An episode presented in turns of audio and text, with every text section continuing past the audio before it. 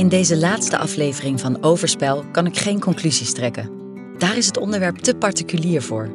Iedereen in een relatie, en iedereen die niet in een relatie zit, moet daar een eigen weg in vinden.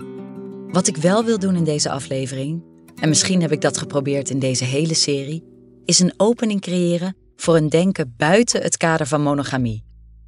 In mijn eerste podcastseries over haar en over tijd was ik steeds op zoek naar manieren om de norm te bevragen. En door die norm te bevragen, hem hopelijk wat op te rekken. Kathleen is al eerder te horen geweest in aflevering 2. Ik vraag haar waarom ze denkt dat mensen vreemd gaan. Ja, mensen gaan om vele redenen vreemd. Ik bedoel, het kan ook zijn dat je het gewoon echt niet leuk hebt in een relatie en dat je echt behoefte hebt aan nieuwe intimiteit. Maar het kan ook zijn dat je gewoon uh, een beetje aangeschoten geil bent. Ja, dan, dan is dat vreemd gaan. Maar ik denk altijd, ja, het is meer een uit de hand gelopen zoenpartij dan vreemd gaan. Vreemd gaan doe je, vind ik eigenlijk, niet zozeer lichamelijk als wel geestelijk. Als je dan, als je dan vreemd gaat, dan ga je vreemd. En ook als je het verborgen houdt voor je partner. Zelf is ze met iemand die vreemd gaat. Ik heb nu een affaire met een getrouwde man. En die duurt al behoorlijk lang. Al twaalf jaar om precies te zijn. Hij zei in het begin, luister, ik ben getrouwd en uh, ik, ik, blijf ook getrouwd. Ik zei, dat is precies wat ik zoek. Dus toen kreeg ik het. Ik vraag haar waarom dat precies was wat ze zocht. Omdat ik het liefst alleen woon. Omdat ik uh, heel veel dingen wil doen met vrienden en, en vriendinnen. Uh, ik wil veel reizen. En ik vind het leuk om één keer in de week mijn geliefde te zien. Maar niet, niet zeven dagen 24-7. Kathleen is getrouwd geweest, heeft lange relaties achter de rug en kiest heel bewust voor deze manier. Ik zie te veel stellen om me heen en ik ben nu 68. En die zijn uitsluitend bij elkaar omdat ze het niet durven zonder elkaar. Maar ze hebben voor de rest geen intimiteit meer en maken het vaak wel het leven elkaar zuur. En kunnen eigenlijk alleen nog maar praten over de kinderen. En als er dan weer kleinkinderen komen, dan kunnen ze weer die fase in van die kleinkinderen. En dan rommelen ze weer door. Door de manier waarop zij en haar geliefde doen, heeft ze voor zichzelf een manier gevonden om de sleur, de sleetsheid en de verveling de baas te blijven. Omdat je elkaar natuurlijk niet zo vaak ziet, blijft het spannend. Kijk, hoe vaker je elkaar ziet, hoe minder spannend het wordt. Dus daarom blijven affaires vrij lang doorwiebelen. Uh, omdat het natuurlijk iedere keer weer ja, je laat je van je beste kant zien. Uh, je hebt een leuk, uh, leuk ondergoedje aan. Uh, je zeurt niet. Ehm, ja, er is, er is gewoon eigenlijk alleen maar pret en, en, en vrije, fijne tijd. Vanaf het moment dat ze elkaar ontmoeten, was er een aantrekkingskracht en een interesse. Maar ook vanaf het begin af aan was helder dat hij getrouwd was en niet uit dat huwelijk zou stappen. De eerste avond dat ik hem ontmoette, toen zei ik van, ja, je bent zeker getrouwd. En ja, ik zeg, heb je een goed huwelijk? Nee, zei ik heb een heel slecht huwelijk, maar ik heb een huwelijk waar ik in blijf, omdat ik wil dat ik blijf. En toen vertelde hij ook meteen dat hij geen uh, intimiteit had. Voelt ze zich schuldig? Ik voel me nooit schuldig. Eerlijk gezegd denk ik dat ik het glijmiddel ben van hun huwelijk. En ik doe haar ook niks aan. Kathleen's verhaal is niet alleen een verhaal van overspel. Het is ook de andere kant van het verstikkende monogame ideaal. Ik denk dat heel veel mensen het veel langer met elkaar zouden uithouden... als ze niet zo verstrikt zouden zitten in in het gedoe van een, van een samenleving. samenwonen is gewoon heel erg moeilijk. We zijn er eigenlijk helemaal niet op, op, op voorbereid.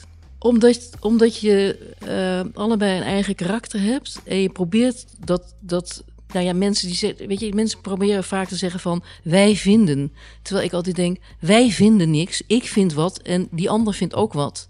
En misschien is dat gelijk, maar wij vinden, word ik altijd zo moe van. En dat is toch, mensen denken dat ze dat in een relatie willen hebben. Ze zeggen ook altijd, oh, wij zijn zo, we doen alles samen. Dan denk ik, wat fucking saai. En een vaste relatie, dat wil ze echt niet. Dat staat voor haar gelijk aan een afname van plezier. Affaires zijn, zijn niet bedoeld om daar vaste relaties eh, van te maken. Dat je het, uh, dat je het leuk hebt met elkaar. En dat hebben ze. Maar wel met heldere kaders. Wij lopen ook niet over straat. Wij, wij gaan gewoon gezellig uh, hier van alles doen binnen. En inderdaad, ik vier geen kerstmis met hem. Ik ga niet met hem, uh, uh, weet ik veel wat doen, Sinterklaas vieren. Nee, dat niet. En dat weet ik ook. Dat verzwelgende, versmolten samen zijn. Kathleen moet er niks van hebben. Het is zo leuk om eens met iemand anders naar de film te gaan en gewoon je eigen leven te hebben. Ik denk dat veel te weinig mensen een, een goed eigen leven opbouwen. Maar, maar what about Plato en zijn twee halve mensen die altijd naar hun wederhelft blijven zoeken om heel te zijn? dat is toch een heel naar idee? dat je alleen niet genoeg zou zijn. En die ander die je dan ontmoet is blijkbaar ook alleen niet genoeg. Dan begin je al met een half iemand. En het probleem van de afnemende verliefdheid? De manier waarop we met elkaar omgaan, uh, blijft die verliefdheid. Omdat je zo ontzettend blij bent om elkaar weer te zien. En uh, hij, hij, doet totaal ander werk dan ik uh, doe. En we hebben elkaar zoveel te vertellen. En we hebben zo'n pret met elkaar. Het is super gezellig. Dus die verliefdheid houdt aan. Terwijl bij een relatie van dag en nacht gaat dat ophouden. Wij hebben elkaar iedere keer weer wat te vertellen. Want we bellen ook nooit door de week. We hebben geen contact door de week. Af en toe een appje. En voor de rest uh, weten we dan ook verder niet. Dus na een week heb je heel veel te bespreken. En we zeggen nooit de afspraak af. Nooit. Je moet echt dood zijn wil je de afspraak afzeggen. Daarover gesproken. Niemand weet van deze affaire. Wat als er iets met een van hen gebeurt? Als ze me niet doodgaan, dan gaan we nog uh, lekker door tot, uh, tot een van beiden doodgaat. Ik heb wel gevraagd aan hem of je één vriend wilde inlichten. Dat die mij waarschuwt eh, als hij de tussenuit gepiept is. Dat ik het niet uh, via via of uit de krant uh, hoor. Maar ze kan er niet bij zijn op zijn afscheid. En als hij doodgaat, ben ik er ook niet. Dat hoort erbij, dat moet je gewoon incalculeren. Ook al voldoet het niet aan het romantische monogame ideaal... en is het zelfs een heel duidelijk voorbeeld van een overspelige situatie... de twaalf jaar die Kathleen en haar minnaar met elkaar delen... de diepe gesprekken, de afkadering waarbinnen dit allemaal plaatsvindt... Ik vind dat er iets diep romantisch is aan de verbinding die ze met haar minnaar heeft.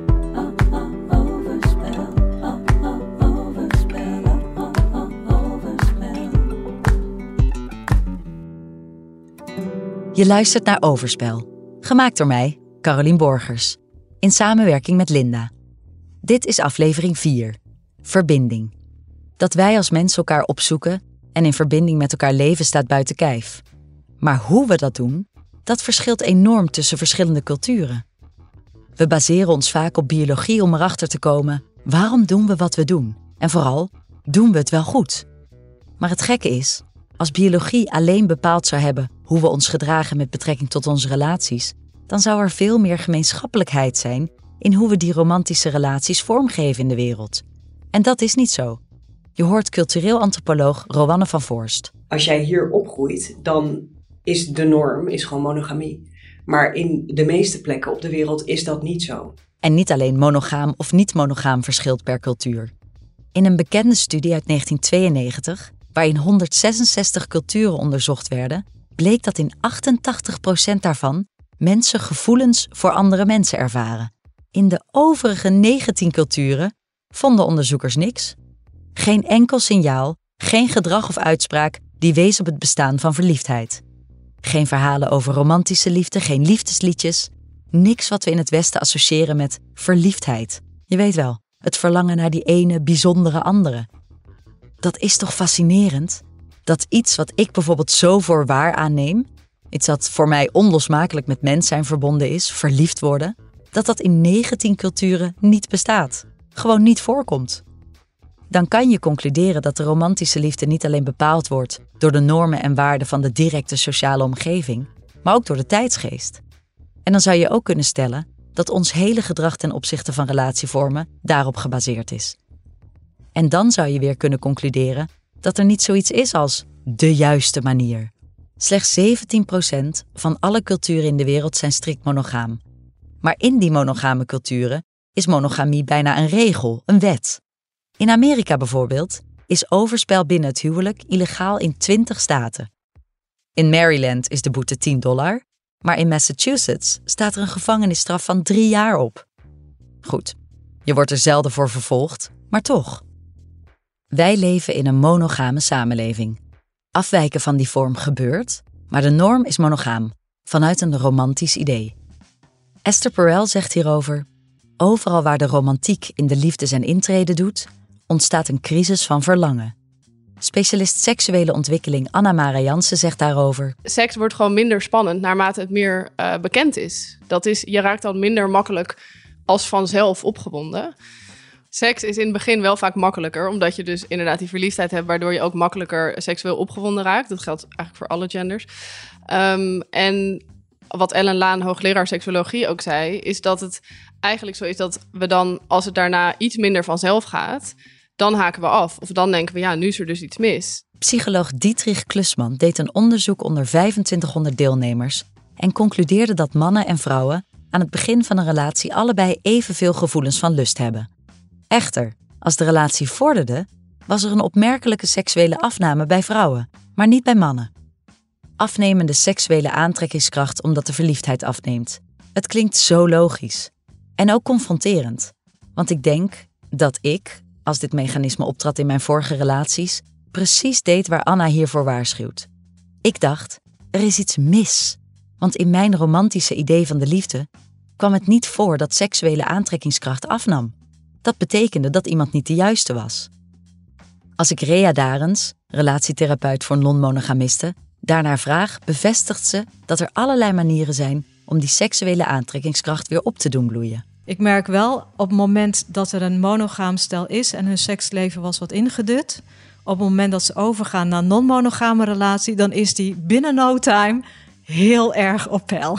Er wordt voordat er een afspraak is met de geliefde, wordt er gevreden. Nadat wordt er gevreden. Tussendoor. Dus dat seksleven is sky high. Ja. Het is net alsof de, de knik die er op dat moment is in de emotionele verbondenheid, ruimschoots gecompenseerd wordt in de seksuele verbondenheid. Ja. Maar non-monogamie is niet de enige optie. Eraan werken kan ook. Je hoort Anna Jansen daarover. En dat betekent niet dat je alleen maar naast elkaar moet gaan liggen masturberen, maar wel dat je daarover communiceert. En ja, daar moet je inderdaad, als je niet meer verliefd bent, iets meer moeite voor doen. Alleen dat kan ook weer een enorme verdieping brengen. En die verdieping is waar ik het in deze laatste aflevering over wil hebben. Het belang van verdieping en verbinding. En de verschillende vormen waarin die kunnen plaatsvinden. Het idee dat echte verbinding alleen binnen een monogame relatie kan ontstaan, is natuurlijk niet waar. Je kan met meerdere mensen verbindingen aangaan. En er bestaan genoeg monogame relaties waarbinnen geen verbinding is.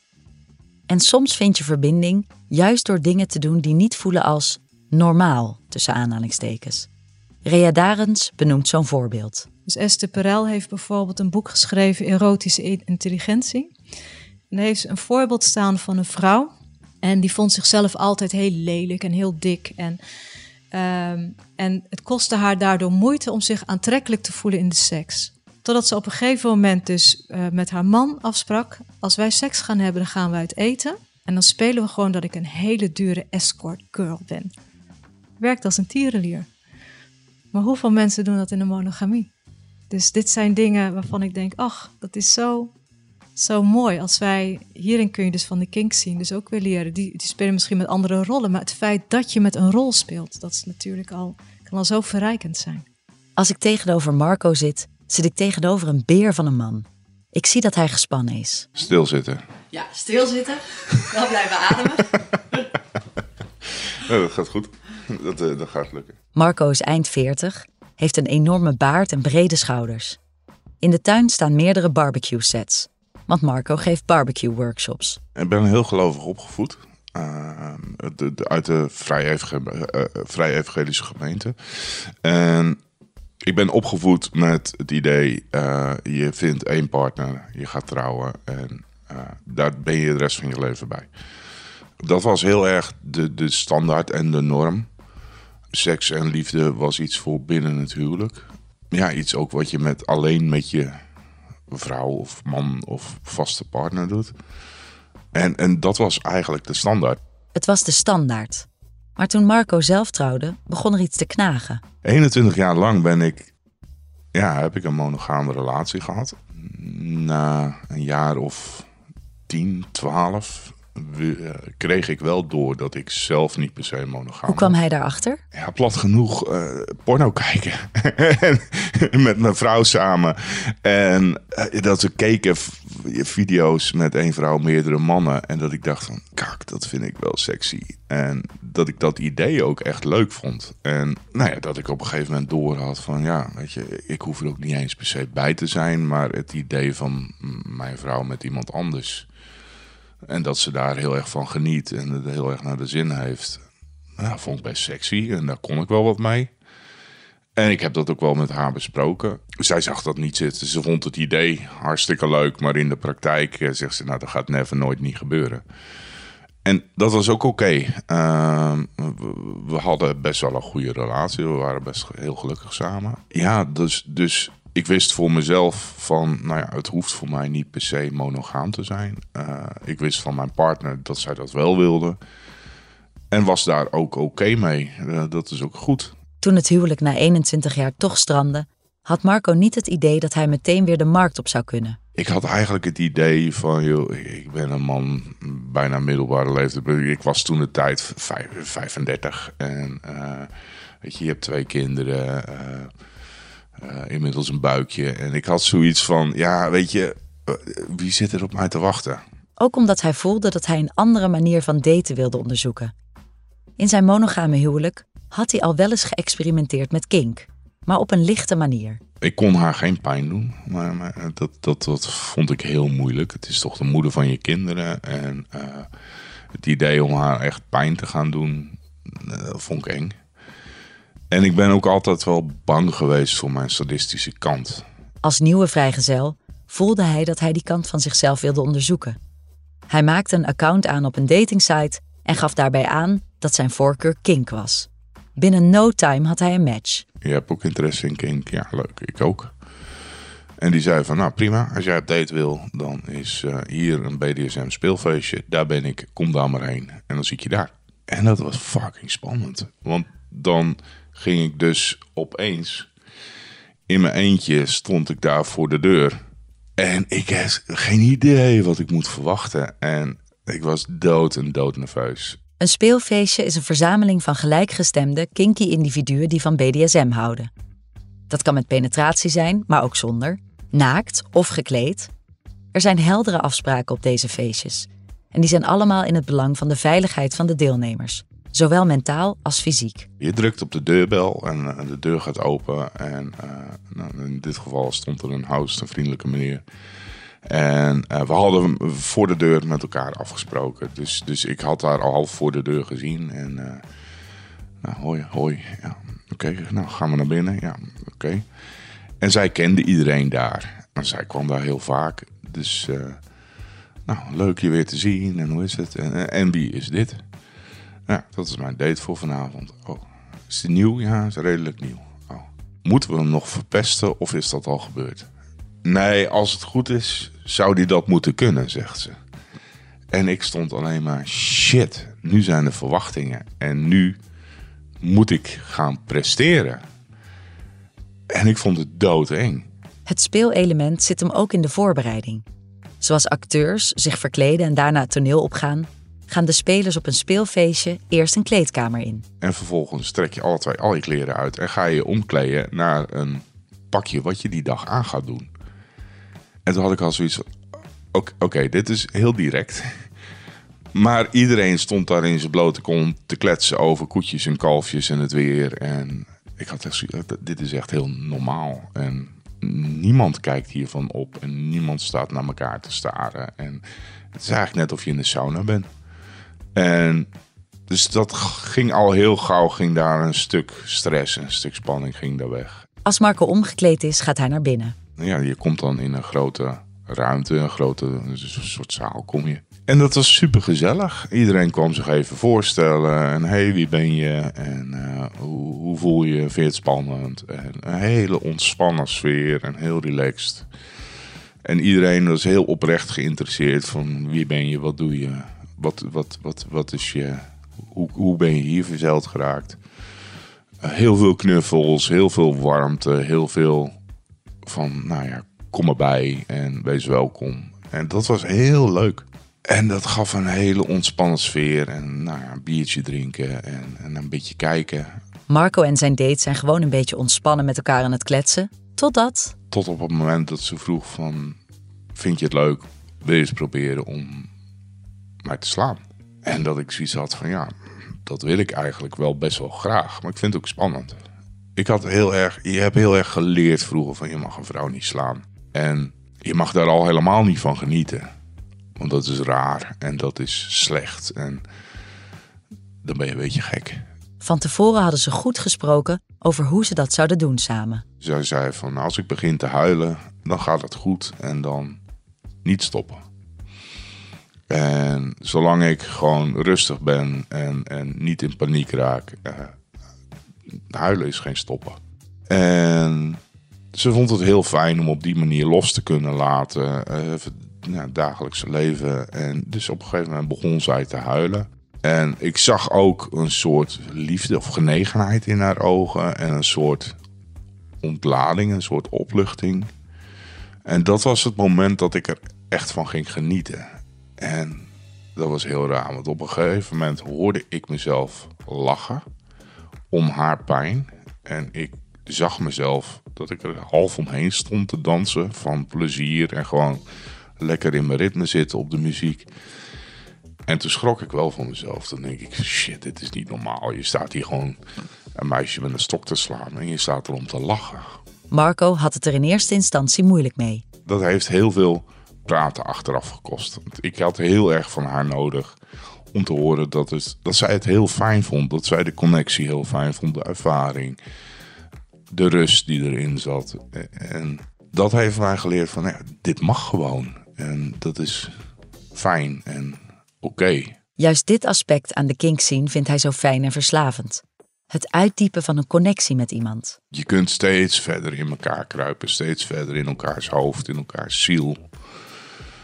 Helemaal, helemaal diep van binnen naar je donkerste, donkerste kanten en je mooiste kanten. En je diepste pijn en je diepste angsten ga je uitgraven met z'n tweeën. En dat is een heel bijzondere reis die je dan gaat maken.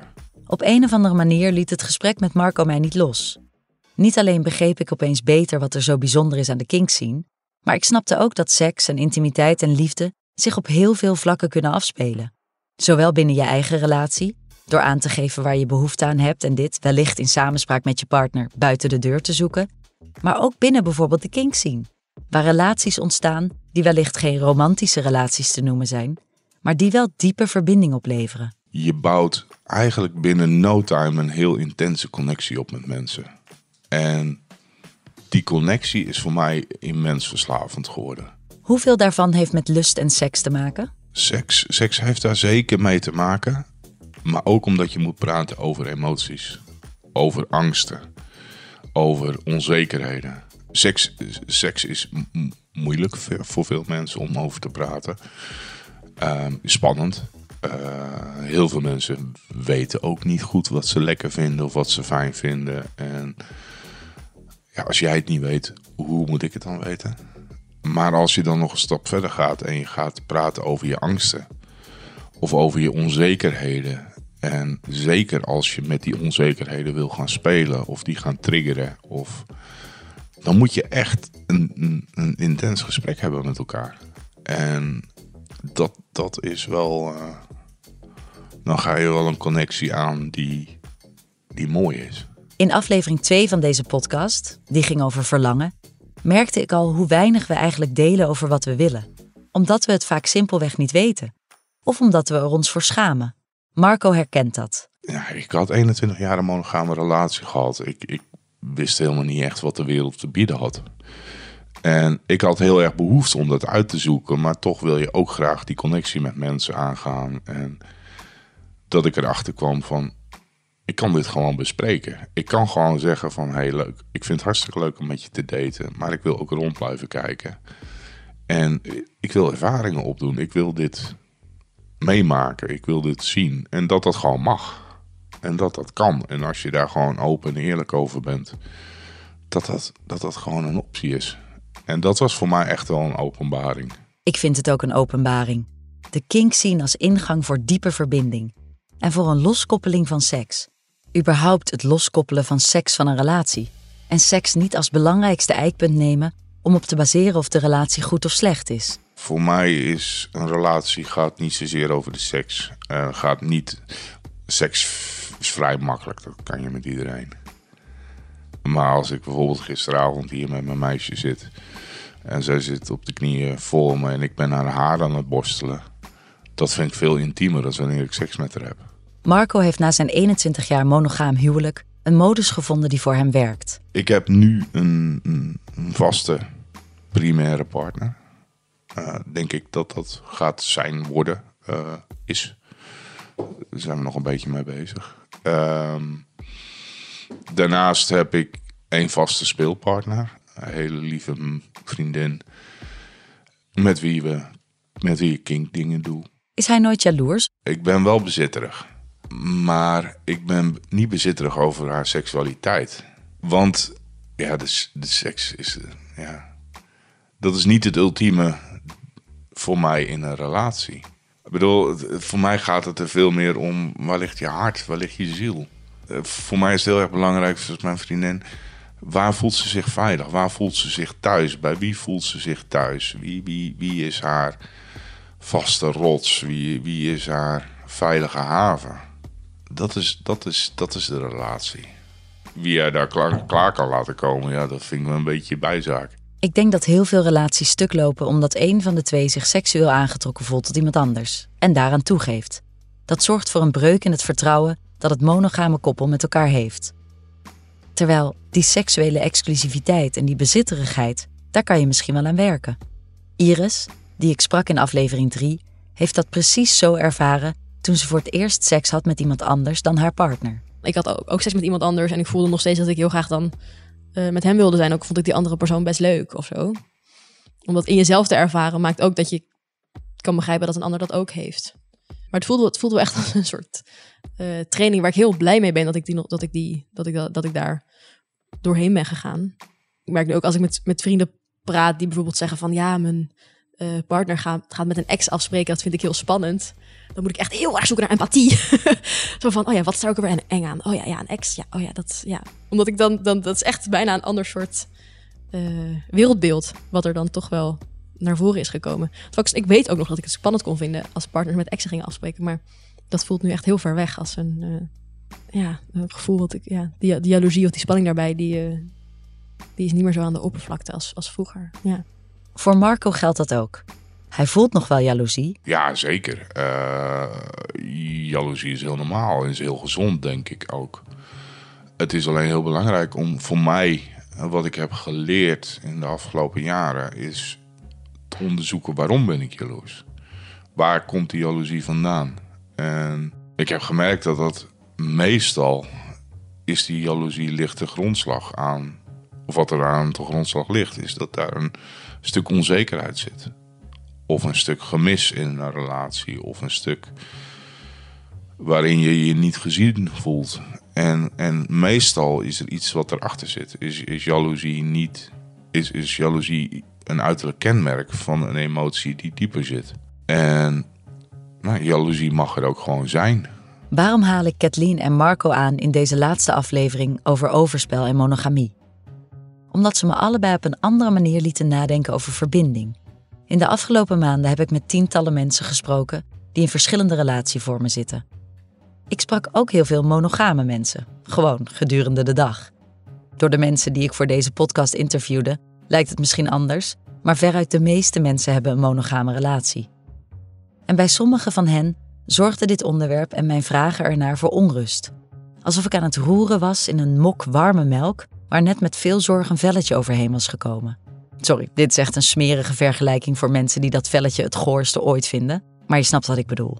Het onderwerp vreemdgaan, iemand anders, seksuele aantrekkingskracht. Ik merkte dat het niet iets is waar mensen graag over spreken. Zeker niet als hun partner ook in de ruimte is. Toen ik Maarten en Ruby, die al twaalf jaar bij elkaar zijn en twee kinderen hebben, sprak over flirten met anderen, zei Maarten: Ik heb vaak genoeg gezien dat jongens met haar flirten. En ook echt jongens die al om haar heen hingen. Zeg maar, toen ik net kwam kijken, zeg maar. Had ze gewoon totaal niet door ook. Dus één, ze heeft het niet door als mensen met haar zitten te flirten. En twee, ze vindt het, ze vindt het eigenlijk gewoon niet relaxed. Je bent niet Klopt. een flirttype. Nee. Zeg maar, ik ben ook niet een flirttype, maar ik ben gewoon wel heel vriendelijk en ik klets met iedereen, zeg maar. Wat sommige mensen als, als flirten kunnen interpreteren. Ik denk dat dit waar is. Maarten en Ruby kennen elkaar heel erg goed. En het zou natuurlijk kunnen dat iemand gewoon niet het flirterige type is. Maar stel nou, stel, stel, stel nou dat Ruby niet één iemand is, maar dat ze meerdere kanten heeft. In het droomscenario dat ik voor deze twee mensen wens, zijn ze allebei precies wie ze denken dat de ander is. En verandert dat nooit. Maar ik denk dat dat in de meeste gevallen niet is zoals het gaat. En daarom neem ik ze nu als voorbeeld. Dat dit iets is wat bij stellen vaak fout gaat. Er is een idee van de ander, en als dat idee genuanceerder blijkt te zijn, of zelfs anders dan gedacht, dan voelt dat als verraad. Er is een mooie quote van Esther Perel hierover. Sometimes when we seek the gaze of another, it isn't our partner we are turning away from, but the person we have become. We are not looking for another lover, so much as another version of ourselves. En soms is dat goed. Soms betekent dat persoonlijke groei, het ontdekken van andere versies van onszelf door te kijken door de ogen van iemand anders. Maar misschien kan dat ook wel in een relatie, die kanten van jezelf ontdekken. Hanna, die ik sprak in aflevering 2, raakte voor mij een kern. Misschien is dat ook het, inderdaad het kernbesef dat in een relatie iemand anders nooit helemaal van jou is. Ik denk ook dat juist dat besef ervoor zorgt dat iemand altijd interessant voor je blijft. En dat je toch de hele tijd weer op zoek uh, gaat met z'n tweeën. Oké, maar hoe maken we het nu fijn? Oh, wat vind ik nu nog leuk aan jou? Uh, gewoon de hele tijd dat in beweging houden. En ook Iris, met haar drie vriendjes, benoemde een aspect dat ik belangrijk vind. Ik ben helemaal niet tegen monogamie. Dat dacht ik even van. Ik ben tegen monogamie. Maar ik vind dat we gewoon te monogaam zijn. Dus het is te dwingend en het is te, ja, te, te moeilijk om een andere vorm te kiezen. En ik denk ook dat in relaties we ook dus te veel denken van ik moet het allemaal uiteenhalen.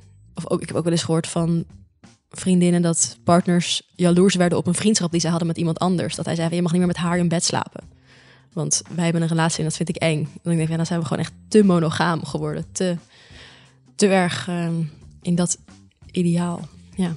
In een van de laatste gesprekken sprak ik met schrijver Simon van Saarloos, die in 2016 het monogame drama schreef over multi-intimiteit. Dus van hoe kan je ervoor zorgen dat verschillende vormen van intimiteit um, met verschillende mensen worden ge, um, gedeeld. Terwijl de romantiek zich ook in Simon vastgebeten ziet. Ja, ik vind dat heel lastig trouwens, om dat te doorbreken. Want persoonlijk ben ik echt, heb ik een soort hele rare romantische neigingen.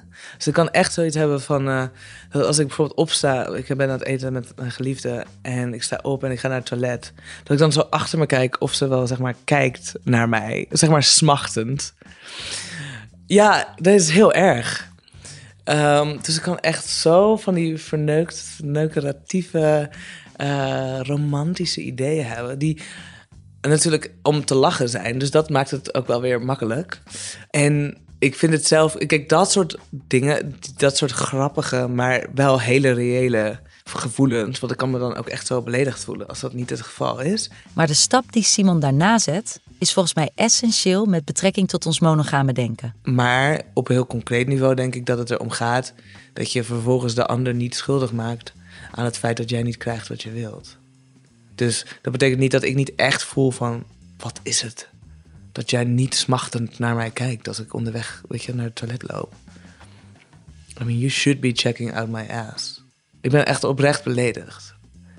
Maar dat betekent niet dat ik oprecht denk dat die andere persoon daar schuldig aan is. En dat is natuurlijk iets wat we proberen in jaloezie ook echt te beoefenen. Weet je wel? Dus dat je niet, omdat jij jaloers bent, zegt: jij hebt iets fout gedaan specialist seksuele ontwikkeling Anna-Mara Jansen hierover. Nou ja, ik vind wel dus dat we ons als mens best vaak ook een beetje als slachtoffer opstellen. Want jij doet dat en hij heeft dat gedaan en zij heeft mij dat aangedaan. En ja, er is iets gebeurd waar jij het niet mee eens was. En dat heeft je misschien heel veel pijn gedaan. En dat kun je ook dragen. Dat, je kunt dat aan. En ik denk veel meer dat het zit in vertrouwen. En dat vreemdgaan ook vaak te maken heeft met een breuk in vertrouwen. Dus dat we iets afspreken en je komt het vertrouwen niet na. 30% van de relaties die uitgaan, geven als reden op overspel. Als ik de definitie erbij pak van overspel, dan kom ik hierop. Het hebben van een contact of een relatie met een ander dan de vaste partner, zonder dat die laatste hiervoor toestemming heeft gegeven. Toestemming krijg je van een leraar, van je ouders. Ik vind eigenlijk niet dat het thuis hoort in het vocabulaire van gelijkwaardige partners. Ik wil mijn partner nergens toestemming voor geven. Ik wil niet zelf hoeven zeggen: ja, dit mag. Want dan bepaal ik dus ook wat niet mag. De ruimte die ik zoek is die van het contact zonder de toestemming, maar met het medeweten. Je hoort Anna Jansen. En waarom zouden we het vreemd gaan noemen? Waarom zou je niet aan het begin van de relatie met iemand afspreken van nou, wat is voor jou een relatie? Wat hoort daarbij? Gaan we met de kerstdagen ook naar schoonfamilie? Of niet? Willen we eigenlijk wel samenwonen? Willen we seks alleen met elkaar of willen we ook met anderen seks kunnen hebben? Hoe gaan we daarmee om? Het gaat veel meer over communicatie. En ik denk zelf ook dat het heel zonde is dat we altijd meteen een soort van standaard, ook een beetje uit gemak, in die mal stappen van monogamie, omdat dat nou eenmaal de heersende norm is, maar dus niet de werkelijkheid. Dit lijkt me een goed startpunt. Mijn eigen vastgeroeste ideeën bevragen. En dat zal hard werken zijn. In mijn open relatie is me dat niet gelukt. Ik was jaloers. Ik vond dat me verdriet aangedaan werd. En toen ik verliefd werd, heb ik me daar volledig in laten meeslepen. Kortom, zelfs in de open relatie heb ik me halstarrig vastgehouden aan het idee van monogamie. Daarmee heb ik niet alleen mijn partner bedrogen, maar ook de vrouw op wie ik verliefd was en, misschien nog wel het meeste, mezelf. Nu zit ik weer in mijn monogame hok. Maar als ik iets heb begrepen in de afgelopen vier maanden waarin ik deze gesprekken heb gevoerd, dan is het dat we als mens niet één iemand zijn. We zijn een heleboel iemanden in één lichaam. En het monogame ideaal dwingt ons ergens een deel van die iemanden te beteugelen. Dat kan, en soms werkt dat zelfs heel erg goed, voor de dynamiek in een gezin, voor de balans tussen twee mensen, maar het is ook een heel grote afspraak. Misschien wel een van de moeilijkste om je aan te houden. En zolang het breken ervan zulke grote consequenties heeft, blijft het goed om te kijken naar hoe het anders kan. Als we willen leven vanuit het idee van overvloed en niet van schaarste, als we willen voelen vanuit het idee dat ons niet iets afgenomen kan worden, als we durven denken vanuit de realiteit dat we alles met elkaar maar gewoon bedacht hebben, dan kunnen we de zwaarte van overspel afhalen, de ernst ervan ondervangen en met elkaar een manier vinden om alle iemanden die we in ons hebben te incorporeren in onze relaties. Ik sprak vorige week een jonge vrouw van 24. Ze vertelde me dat ze drie jaar samen was met haar vriend en dat ze samen een manier hadden bedacht om met verleiding om te gaan. Ze noemde het het kaartensysteem. Met iemand zoenen was een gele kaart, dat was prima, geen einde van de wedstrijd. Met iemand naar bed gaan was een rode kaart. Nog steeds geen einde van de wedstrijd, maar het betekende wel dat er gepraat moest worden. Hup, opnieuw aan de tekentafel, opnieuw bespreken hoe ze het voor zich zagen. In alle openheid en eerlijkheid. Ik vond dit zo mooi. Zo kan het werken. Het heeft iets dappers, iets intiems en iets speels. Van overspel naar overspel.